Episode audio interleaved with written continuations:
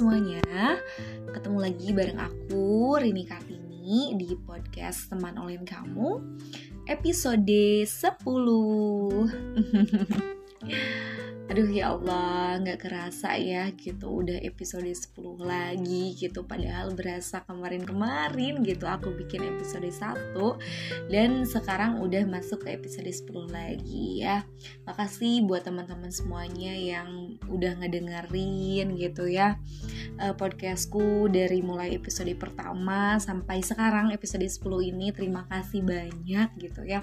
Mudah-mudahan apa yang aku sampaikan di podcast bisa bermanfaat gitu khususnya mungkin bagi aku pribadi umumnya bagi rekan-rekan yang mendengarkan gitu ya. Um, pembahasan di episode 10 ini aku mau ngangkat pembahasan tentang sandwich generation ya teman-teman.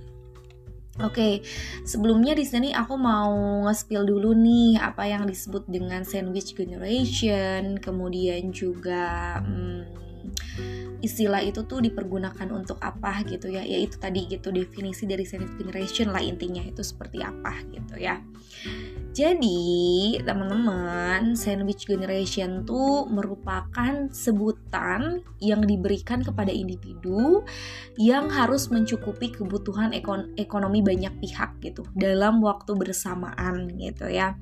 Jadi uh, bagi teman-teman semuanya yang merupakan sandwich generation atau bagi rekan-rekan yang mungkin mendengarkan dan belum tahu sandwich generation tuh uh, membiayai kebutuhan ekonominya tuh bukan cuma mencakup dirinya sendiri tapi juga keluarga intinya dan orang tuanya gitu. Jadi bagi apa single generation kalau misalnya dia udah berkeluarga dia juga bukan hanya mencukupi kebutuhan anggota keluarganya saja tapi juga harus menyukupi kebutuhan orang tuanya gitu. Ya teman-teman ya.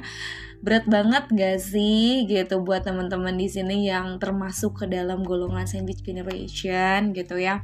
Termasuk mungkin aku pribadi bisa dibilang sandwich generation gitu. Karena apa? Karena aku punya tanggung jawab bukan cuma menghidupi uh, kebutuhan aku pribadi tapi juga kebutuhan orang tua aku gitu ya. Nah hmm, teman-teman di sini ada yang pro gitu ada juga yang kontra gitu ter terhadap sandwich generation ini. Ada yang pro nya yang nggak apa-apa gitu. Aku jadi sandwich generation juga. Toh maksudnya udah kewajiban aku kok menyukupi kebutuhan orang tua gitu. Ya bukan cuma kebutuhan aku pribadi gitu. Ada juga yang kontra gitu. Kontra di sini dalam artian uh, anak tuh berasa investasi banget ya bagi orang tuanya gitu. Kenapa aku mesti punya tanggungan gitu buat uh, apa namanya orang tua aku gitu? Kenapa aku mesti membiayai kebutuhan orang tua aku? Padahal kan maksudnya fitrah anak tuh justru dipenuhi gitu kebutuhannya gitu, bukan memenuhi kebutuhan orang tua gitu. Ada juga yang berpemikiran seperti itu gitu bagi tim yang kontra gitu ya. Nah, uh, teman-teman uh, apa namanya kira-kira lebih ke pro atau lebih ke kontra nih gitu. Kalau aku pribadi sih lebih ke pro ya teman-teman gitu karena kalau semisal kita gitu ya mm, memberikan gitu nafkah bagi keluarga kita termasuk orang tua kita insya Allah gitu sama Allah tentunya akan dipermudah gitu jalannya.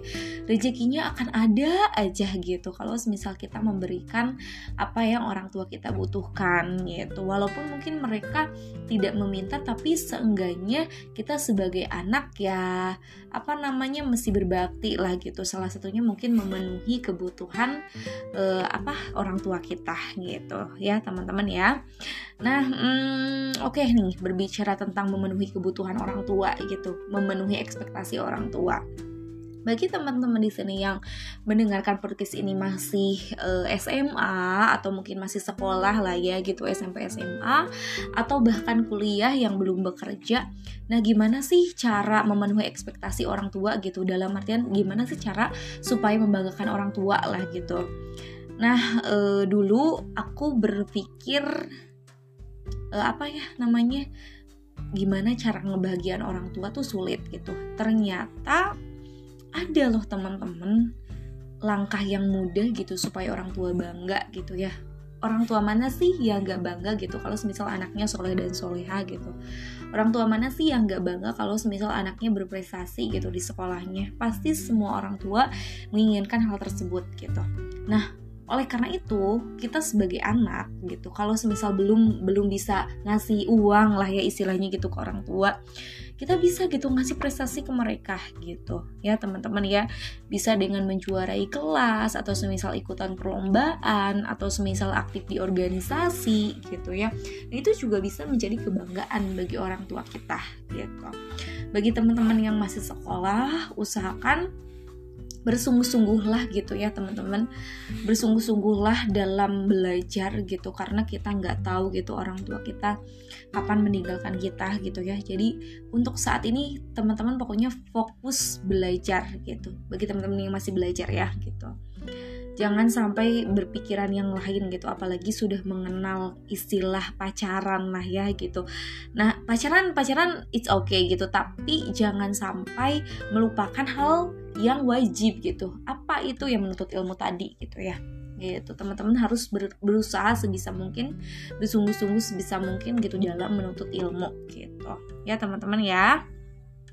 Gitu mungkin ya teman-teman Nah sebelumnya sih aku juga sempat berpikir gitu negatif lah tentang istilah sandwich generation dalam artian aku kontra lah ya gitu. Aku sempet sempet aku kontra gitu. Aduh berasa capek banget gitu. Padahal kan maksudnya aku kan nggak punya kewajiban juga gitu apa namanya untuk membiayai orang tua gitu aku sempat berpikiran seperti itu padahal jelas itu pemikiran yang salah menurutku gitu ya harusnya aku uh, berusaha legowo gitu. Nggak apa-apa misal aku dapat gaji terus aku kasihin ke orang tua aku gitu gaji aku tuh it's okay gitu. Nggak apa-apa pasti Allah akan memberikan apa keberkahan di situ gitu. Ya teman-teman. Nah pun kalau misal nanti aku sudah bersuami kalau misal suami aku misal ingin apa namanya meringankan beban orang tuanya gitu ya meringankan anggota keluarganya gitu dengan memberikan apa sebagian gajinya ya it's okay gitu nggak apa-apa gitu. Aku pun mungkin uh, kalau semisal nanti sudah uh, apa namanya mempunyai suami kemudian aku juga bekerja gitu. Nah aku ingin semisal memberikan upah atau gajiku ke orang tuaku ya mudah-mudahan gitu suamiku bisa bisa mentoleransi itu juga gitu. Jadi kita sama-sama mentoleransi lah gitu. Nggak apa-apa kok teman-teman gitu. Karena di situ ada keberkahan lah gitu. Itu menurutku ya itu pandangan aku gitu Nah, tapi teman-teman juga nih jangan sampai eh, apa namanya? Hmm, kelelahan juga gitu. Kelelahan dalam artian aduh gimana nih caranya aku uh, supaya bisa bekerja keras lah gitu untuk memenuhi kebutuhan keluarga gitu sampai bating tulang banget gitu ya sampai teman-teman kewalahan lah istilahnya gitu. Nah kalau semisal teman-teman capek ya nggak apa-apa istirahat dulu aja sejenak istirahat sebentar gitu ya uh, apa namanya uh, recharge dulu energi teman-teman gitu yang udah habis gitu. Jadi emang apa ya namanya harus bener-bener uh, jangan memaksakan lah gitu harus bener-bener uh, apa namanya istirahat kalau semisal capek gitu.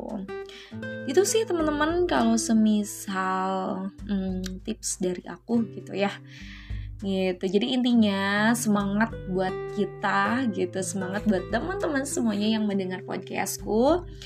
Uh, jangan sampai gitu teman-teman berhenti gitu di situ situ-situ aja gitu. Nggak apa-apa kalau misalnya teman-teman capek gak apa-apa istirahat gitu. Tapi jangan sampai lupa bangkit kembali gitu.